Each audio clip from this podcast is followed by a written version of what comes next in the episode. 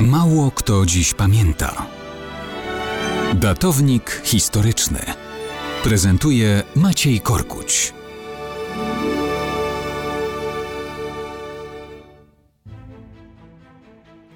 Dzisiaj w Polsce jest przypominana rocznica przemianowania Związku Walki Zbrojnej w Armię Krajową 14 lutego 1942 roku. To były odbudowywane w konspiracji siły zbrojne Rzeczypospolitej Polskiej. Nie jedna z wielu organizacji walczących przeciw okupantom, ale wojsko polskie działające w kraju opanowanym przez wroga. To jest istota rzeczy. Na czele AK stał komendant główny Armii Krajowej.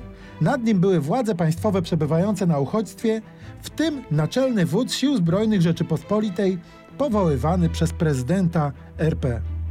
Celem Armii Krajowej był udział w walkach powstańczych, kiedy na skutek alianckich zwycięstw będzie się załamywać system okupacyjny III Rzeszy.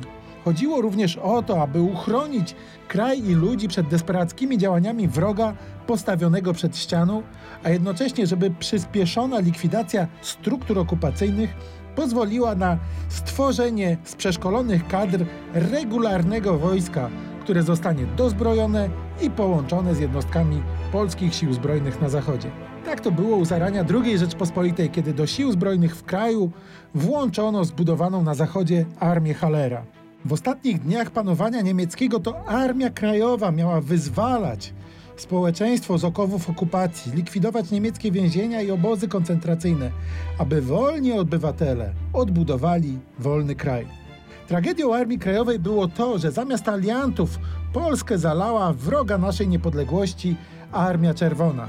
Zamiast wyzwolenia było nowe zniewolenie, a zamiast odbudowy wojska na bazie AK i sił zbrojnych na zachodzie, więzienia, zbrodnie, wszechwładza NKWD i narzucona władza komunistów. I warto, aby pamiętali o tym wszyscy, którzy dzisiaj będą składać kwiaty pod pomnikami Armii Krajowej.